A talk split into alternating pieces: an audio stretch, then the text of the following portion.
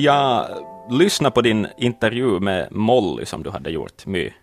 Och uh, det var ju nog en jätte, jättegripande berättelse på alla sätt och vis. Ja, visst var det. Alltså det var, det var ju helt sjukt. Ja, det, det är nog liksom crazy vad, vad man kan sätta liksom en ung människa igenom uh, för att uh, för någon annans vinning kanske, egentligen mest. Jag var kanske mest skakad bara över att det här är en person som jag också haft kontakt med genom åren. Mm. Att, att liksom få en sån insikt i vad hon har varit med om. Ja. Som så ung och att jag som, okej okay, inte har ju varit nära henne, men ändå att jag har varit på ganska nära håll och ändå helt missade. Mm. Ja, precis.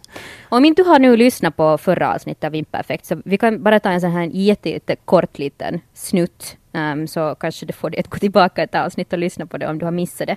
Men uh, det här bland annat säger då Molly. Sista caken jag gjorde var ruisrock. Och samma dag får jag sen till sjukhuset på ruisrockkvällen faktiskt. Direkt från scenen ja. till sjukhuset. Ja. Och det här gör mig så fruktansvärt rasande. Alltså, mm. delvis ju att jag blev berörd av hennes berättelse. Men hur i hela världen har ingen gjort någonting under Nej. hela den här tiden som hon har varit nära döden flera gånger, utan människor bara pressar på mera, uh, tyckt att hon ska supa mera, knarka mera, allt möjligt sjukt som inte ens en frisk människa mår bra av. Nej. Det, det gjorde mig också lite sådär förbannad jag har försökt kontakta, jag har för, faktiskt försökt kontakta alltså hennes, sån här, hennes team och hennes bolagsmänniskor. Och det har ju gått lite halvbra faktiskt. Um, jag har inte egentligen fått något svar av, av någon dera, eh, men... Eller Ingenting? På, no, jag har fått en sån där liksom ingen kommentar svar. Och efter en, en märklig väg också, um, det visar sig att hennes, uh, till exempel ett av hennes bolag um, har samma namn som ett annat bolag som har funnits jättelänge, så att i misstag råkar jag först liksom mejla det där andra bolaget och beskylla dem för en massa hemskheter. um, och den där bossen där var sådär wow, wow, hej, vet du, ta det lugnt, jag tror du talar med fel människor här. Men de var också medvetna om det och de tänker typ stämma skiten ur det där um, Mollys bolag, förstår jag det som.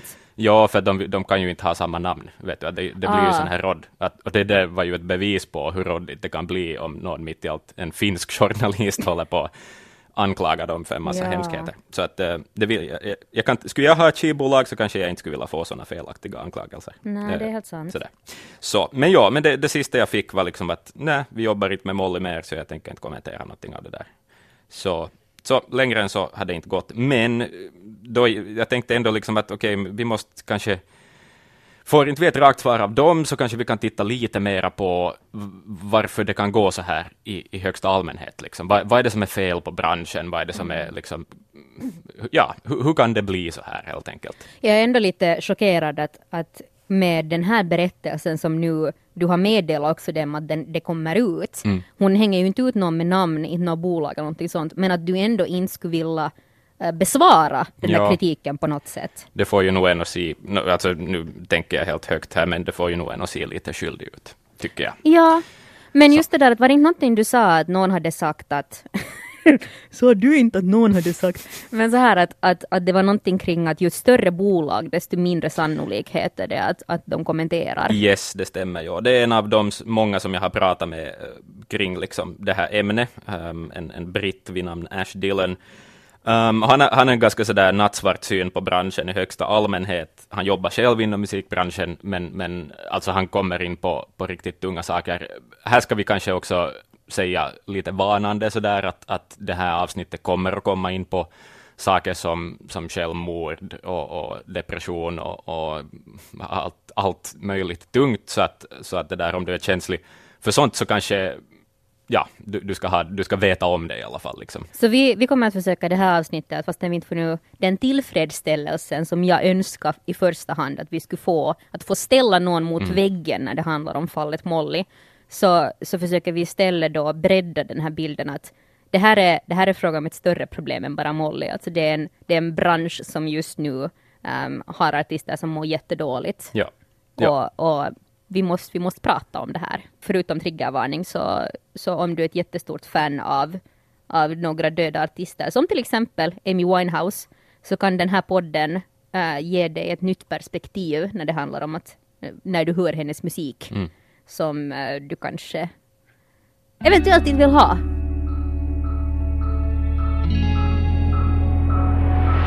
Det sjukaste som du berättade Axel, Mm. Att du hade lärt dig av att snacka med de här musikbranschtyperna, är att självmord används som marknadsföringsknep Mm. för att sälja artister.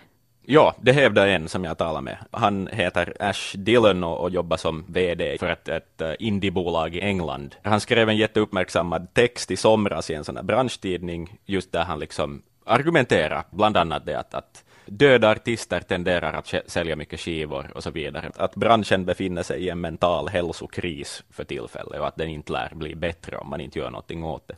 Det låter så fruktansvärt stört när du just säger det där. Mm. Men också bara den där meningen, självmord används som marknadsföringsknep. Det, det är ju liksom det jag har lärt mig om moral och etik. Så det här är inte någonting som har med dem att göra. Liksom.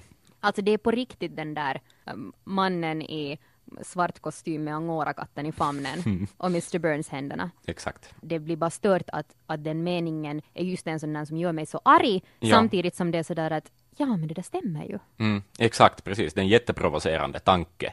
Men det finns lite belägg för den ändå. Vi kan lyssna på hur, hur Ash Dillon sa det. Han har många bra exempel för att lite visa bredden på det här. There was a, a phrase, a turn of phrase that used to go around about five, six years ago called, um, you know, someone joining the House of 27. So we actually use, uh, I'm, I'm seeing depression and anxiety and suicide as um, as marketing drivers at this point in time. I guess a rhetorical question I put in the article was, um, would anyone be into Nirvana if Kurt Cobain wasn't so visibly fucked up? And I didn't really see that many people trying to alleviate No. how visibly screwed up he was. And then you can look at other more recent examples. Amy Winehouse, one of her biggest tracks is actually celebrating the fact that she's had uh, uh, these mental health issues identified or addictions identified that obviously she screwed up. But I didn't see anyone, on one hand, trying to stop that. No. And on the other hand, it's almost as if like the more fucked up she is, the more we can sell. Yeah. Because it's like a circus in that sort of way. Yeah. Um, and on and on the other hand, we're openly promoting that defiance of actually trying. We're celebrating a defiance of actually dealing with those issues by re- reducing it to a song, a pop song. Vet du, alltså det där blir helt jättetragiskt när jag tänker på så många av mina vänner och mig Mm. inkluderat och jättemånga på sociala medier som vet du när du fyller 28 Mm. Så ja, att brukar man ju... har överlevt. Ja, att man skämtar om det där. Ja. Men det är ju, alla känner ju till de här artisterna. Det är ju det, liksom att, att många av oss kan rabbla upp alla 27-åringar som, som kanske till följd av självmord eller en överdos, eh, liksom unga människor som dog. Men att, att vi kan rabbla upp dem som någon sån här trivia, vet du, i, Ja. ett, i ett pubquiz.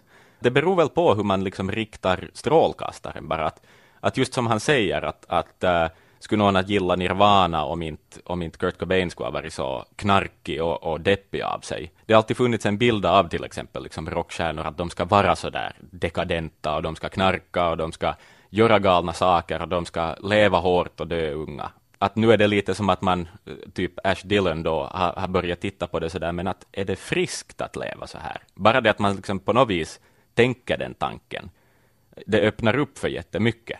Och underligt att det kan vara provocerande Ja. där i sig. Eller hur? Eller Men- hur? Det, det gör ju det tydligt det där med att okej att liksom han ju också säger att en artist måste ju inte vara deprimerad eller knarkig för att sälja. Nej. Men att 27 Club, Kurt Cobain, Mm. Amy Winehouse är bevis på att det finns en industri som inte har något emot att artister mår skit. Varför i helvete är det så? Varför, varför är det så att artister kan börja må sådär Mm. dåligt? En som jag, jag ringde upp, eh, som också jobbar i musikindustrin eh, i Finland, han, han heter Timo Kuoppamäki och jobbar som sån här A&R-agent, alltså han hittar nya artister och så jobbar han ganska sådär sida vid sida med bolagets artister, sådär på en daglig bas på något vis.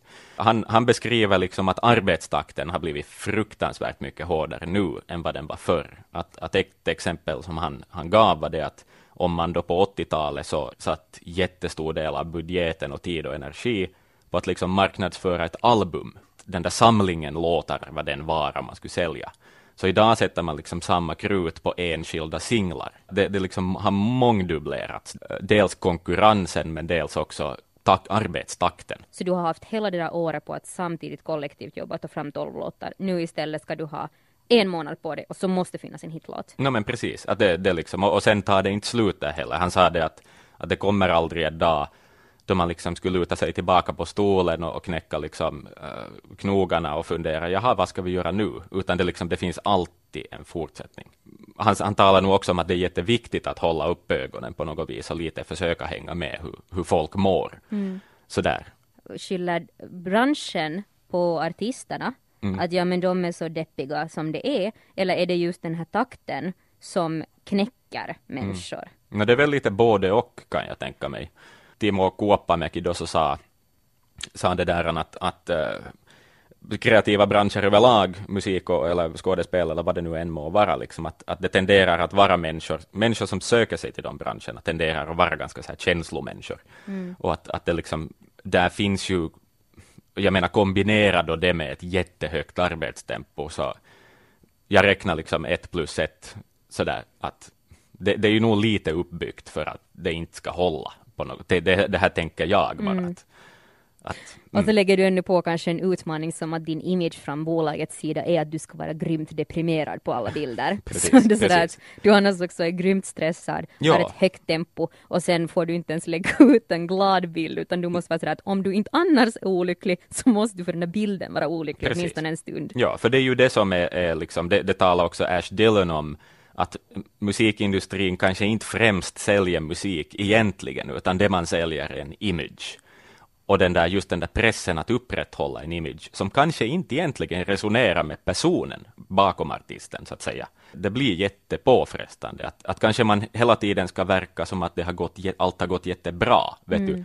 Tänk en hiphop-video där alla står med sportbilar och, och vet du, champagneflaskor, att, att där är imagen att de har blivit fruktansvärt rika, men är det då de facto så?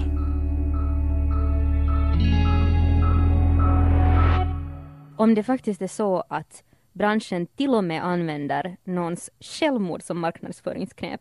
Mm. Så hur fan kan det här fortsätta? Mm. Utan att någon gör någonting? Ja, um, Ash Dillon påpekar en sak som jag också som kände igen. Uh, och det var det här med, med att musikindustrin har en sån där en historia av att inte riktigt vilja förändras. Att uh, ta till exempel då, då, då internet var en ny sak och, och det här piratismen blev ett fenomen och liksom Napster och allt sånt här.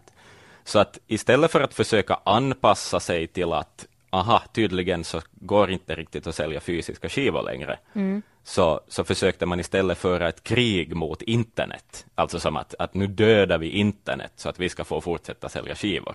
Ja. Att, att det liksom finns i systemsatt en sån här att, att no, men så länge vi tjänar pengar så håller vi på som vi gör. Ash Dillon då, han har ju en jättenattsvart syn på det om man, om man vrider liksom det där samma varför förändras tänke till att titta på mentala hälsoproblem there is always uh, empirically a surge in sales and streams of an artist who has just a featured artist rather mm. who has just committed suicide.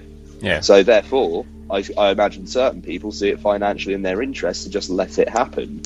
Um, the main argument I'm trying to present in a financial lens or an economic lens is that you know, the world doesn't actually change in social issues because it's the right thing to do. Mm. It never does because of that. It changes because there is a financial interest to change things. Somebody right now is clearly benefiting from the current state of affairs, hence why changes aren't being effected mm. or even being presented. Um, and on, you know, as I've sort of like touched upon, I don't think a lot of people are that willing to accept liability because we don't know where it ends and we don't know if they are specifically, you know, the people who are pulling the strings here or whether they're just sitting on the sidelines and just letting car crashes mm. happen in effect. Mm. Det här är så otroligt provocerande att mm. lyssna på. Ja, visst. Det, det är det. Det är det. Det blir ju så tydligt på något sätt att, att det känns som att åtminstone den här sanningen jag har blivit itutad mm. alla de här åren är att branschen är tuff. Punkt. Mm. Det är faktum. Ja. Skyll dig själv om du ger dig mig räken liksom. Ja. Och sen oj nej, den där artisten mådde tydligen jättedåligt, så det gick nu lite skit för den. Typ ja, så. Ja, den pallar inte trycket eller något sånt där. Liksom. Ja, ja, men det som Ash Dylan lyfter fram är ju liksom det absurda i det att det finns ju alltid människor runt omkring de där typerna som går sönder. Ja. Lite som den här Avicii-dokumentären där det också blev jättetydligt på något sätt hur han försökte säga nej men ingen lyssnade. Nej, precis. Att just att det är jättemånga som medvetet låter det här hända och det blir extra svart och mörkt av det att man vet att enda orsaken är att de tjänar pengar på det. Ja, va, va, varför skulle de annars göra det? Um, han talar också, Ash Dillon, om att, att till, ta till exempel drogrelaterade saker, att han talar om att dels kanske man förväntas ta droger för att palla trycket, och sen om du är en sån som inte tar droger, så, så det där ser de andra en som illojal och så slutar de lita på en. Att, att vet du, att han har, han har själv varit med om sådana situationer till exempel. Han, han, får det att se ut som att, att, liksom, att det är såna hela tiden en konkurrenstanke. Och, och liksom, man kan inte lita på någon, man liksom bara fasar ut varandra. Men jag har ännu så svårt att förstå det här för att för det här är ju ändå människor, mm. vet du. Mm. Och det är liksom Vet du, det låter allt så kalkylerat och medvetet när han pratar. Ja jag, jag har liksom så svårt att tro att det skulle finnas någon som är så svartvit att den på riktigt bara skulle se dollartecken och helt skita i människors välfärd. Det, men no, jo, han, alltså, han har ju en jättenattsvart syn på det och jag tror att, att hans anledning till det att på det viset får han upp den här diskussionen till ytan. Men, men ja, faktum, det, det, det han sa också uh, i det här klippet vi just hörde var, var liksom att, att det finns helt tydliga siffror på att, att artister säljer ju jättemycket precis efter sin död. Ett sådant exempel är till exempel då Prince dog för några år sedan, så hade han fem album på Billboards topp 10 albumlista. Och det, han är den enda artisten som någonsin har haft det i, i liksom Billboards något 60-åriga historia. Och det är efter att han har dött. Shit. Så. Det är delvis då för att det är jättemånga dagen efter hans död som man måste googla fram hur yes. lät hans musik. Precis, ja. För och sen ju, hjälpt honom upp till toppen. För mig var Mac Miller en sån. Många andra som har lite samma erfarenheter. Uh, Prince då förstås, och Whitney Houston sålde också massi, massvis och hennes musik streamades jättemycket då hon dog. David Bowie samma sak. Uh, Amy Winehouse som vi också har kommit in på. Hon ska för den delen ut på en sån här hologramturné nu. Mm. Så. Och vem var David Bowie? du kan du skoja med mig. Vet du inte vem David Bowie är? Nej, men säg en låt han har gjort. Heroes, Let's Dance, China Girl. Uh, Va? Jag har aldrig hört de här. Har du aldrig lyssnat på David Bowie? Men min första spontana tanke var att han inte just Nobelpris, men det var någon annan. Det var någon annan, ja. Det var Bob Dylan! Bob Dylan, han vann litteraturpriset. Det stämmer. Som ja. blandade ihop med Bob Marley. Så jag är inte den bästa liksom musikkonnässören. Nej men my, David Bowie, du måste veta vem. Det är som att säga, vem var Beethoven? det är inte alls Nej men det är, det Nej. Okej, okay, om du vet vem Michael Jackson är så måste du veta vem David Bowie är. Jag googlade just David Beethoven. Rädda bort mig. Så inte ens hans död var bra till marknadsföring nog för att få dig att lyssna på honom. Det är nu vi tar till humor som en försvarsmekanism i ett, i ett, i ett mörkt ämne här. Den här. Det här namnet låter bekant, Dancing in the streets. Men Under ja. pressure, den har jag hört! Ja, med Queen. Under pressure. Yes. Ja. Men då har du säkert hört sådär Vanilla Ice. som har samplat den. Ja. ja. Och så lyssnar jag nu på Sean Mendes cover.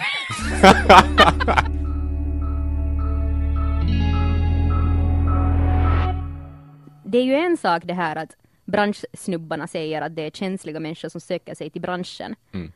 Men är det på riktigt branschen som vill ha de där galna artisterna?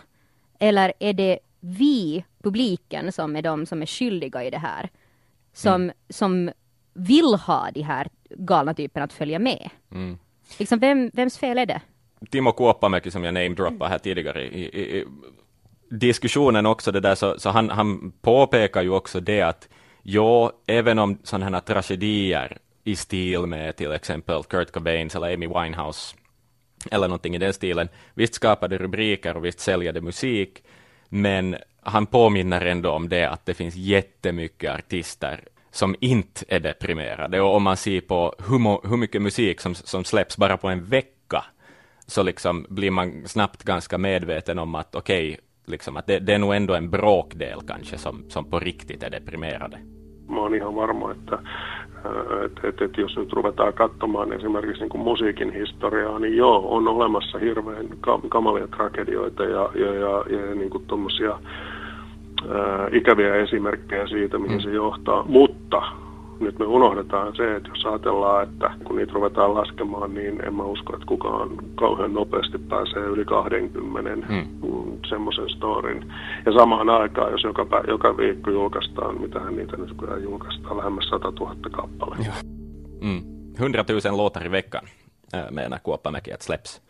Shit. Ja, och just som man sa, att, att om man börjar räkna i huvudet hur många sådana här tragedier i stil med, med liksom Klubb 27, um, kommer man på. Och jag, jag testade det faktiskt, jag kom inte ens upp i 20 tror jag.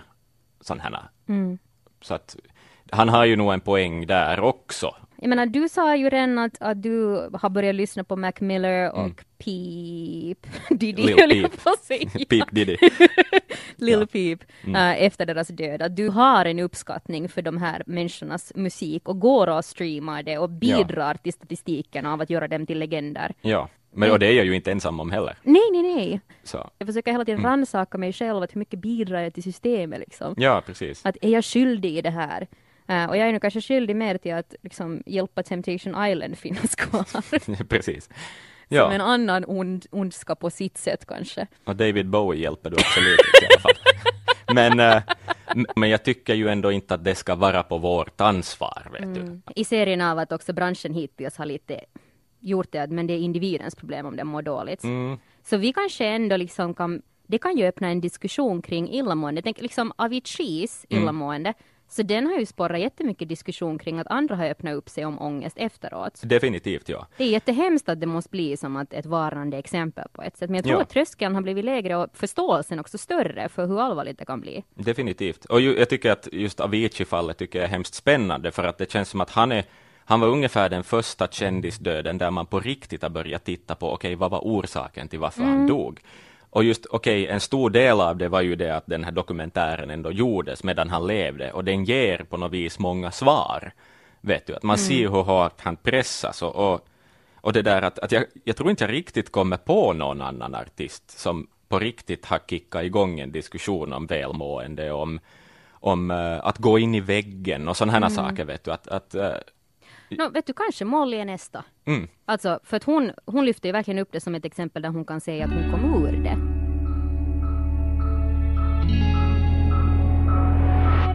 Det jag ännu inte kan släppa, som jag bara måste ha svar på, är om någon av de här människorna du har pratat med kan ge något hopp. Mm. Finns det någonting som håller på att hända i branschen som jobbar för att medvetet hindra Eh, 27 Clubs för att bli ännu större? Ja, det händer en hel del. En, en forskning uh, från England konstaterar att alltså en, en enorm majoritet av musiker uh, går med ångesttankar. Och, och det där jämfört med liksom befolkningen i allmänhet så är det typ något, vet du, var tionde kanske. En annan uh, studie som man håller på med i Kanada nu, att undersöka mera lite på djupet, att hur mår en, en musiker och en artist efter en spelning och, och hur hanterar man de känslorna? Att är det, tar man till, till droger eller går man in i deprimerande tankar och så vidare? Att, att det man håller på med nu är egentligen bara som att definiera vad, vad är det som är fel? Redan det liksom att, att ett, vet du, universitetsvärlden är lite inkopplad mm. i det här är ju nog, det, det säger jättemycket gott. Och, och, i England finns det någon sån här telefonlinje också för, för artister som kan ringa då och tala med någon terapeut sådär. Om man går till exempel med, kanske går med är deprimerad eller till och med går med självmordstankar eller sådana saker. Så, så det där finns det liksom specifik hjälp att få. Så folk som förstår vad en artist går igenom. Oj, vad specifikt med en hjälplinje för artister. Mm. Ja, men orsaken till den där nischen är ganska bra. Det var en, en musiker då som, som tog hjälp av den, som, som tidigare hade gått i, i terapi och hade sagt då att I'm an artist och, och liksom hade fått kommentaren att oh, your life must be wonderful. Att, att den där grundläggande förståelsen kanske inte finns mm. vet du, utanför branschen på det viset. Jag, jag mejlade Ash Dillon i efterhand efter vår intervju så där att, att, att hur tycker du att en konsument kan motverka då det här systemet av att, att inte ta mentala problem på, på allvar och sådär. Ja, borde jag liksom sluta lyssna på David Bowie?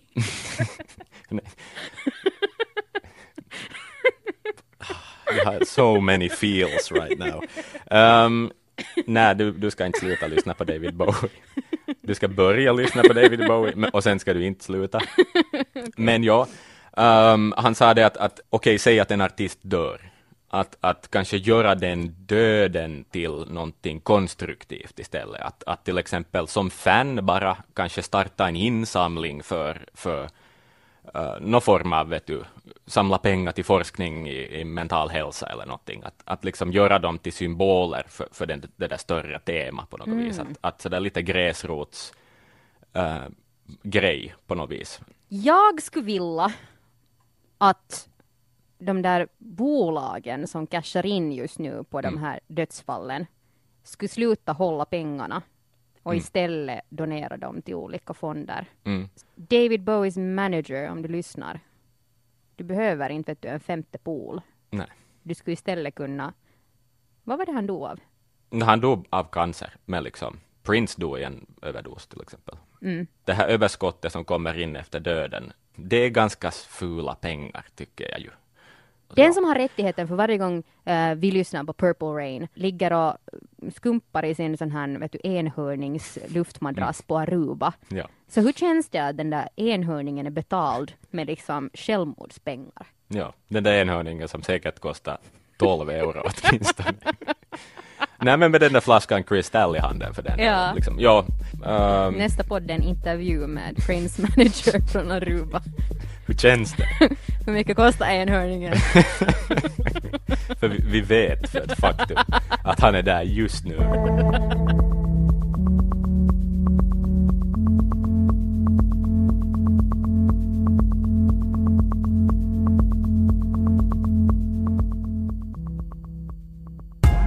Det här är en Svenska Yle-podd.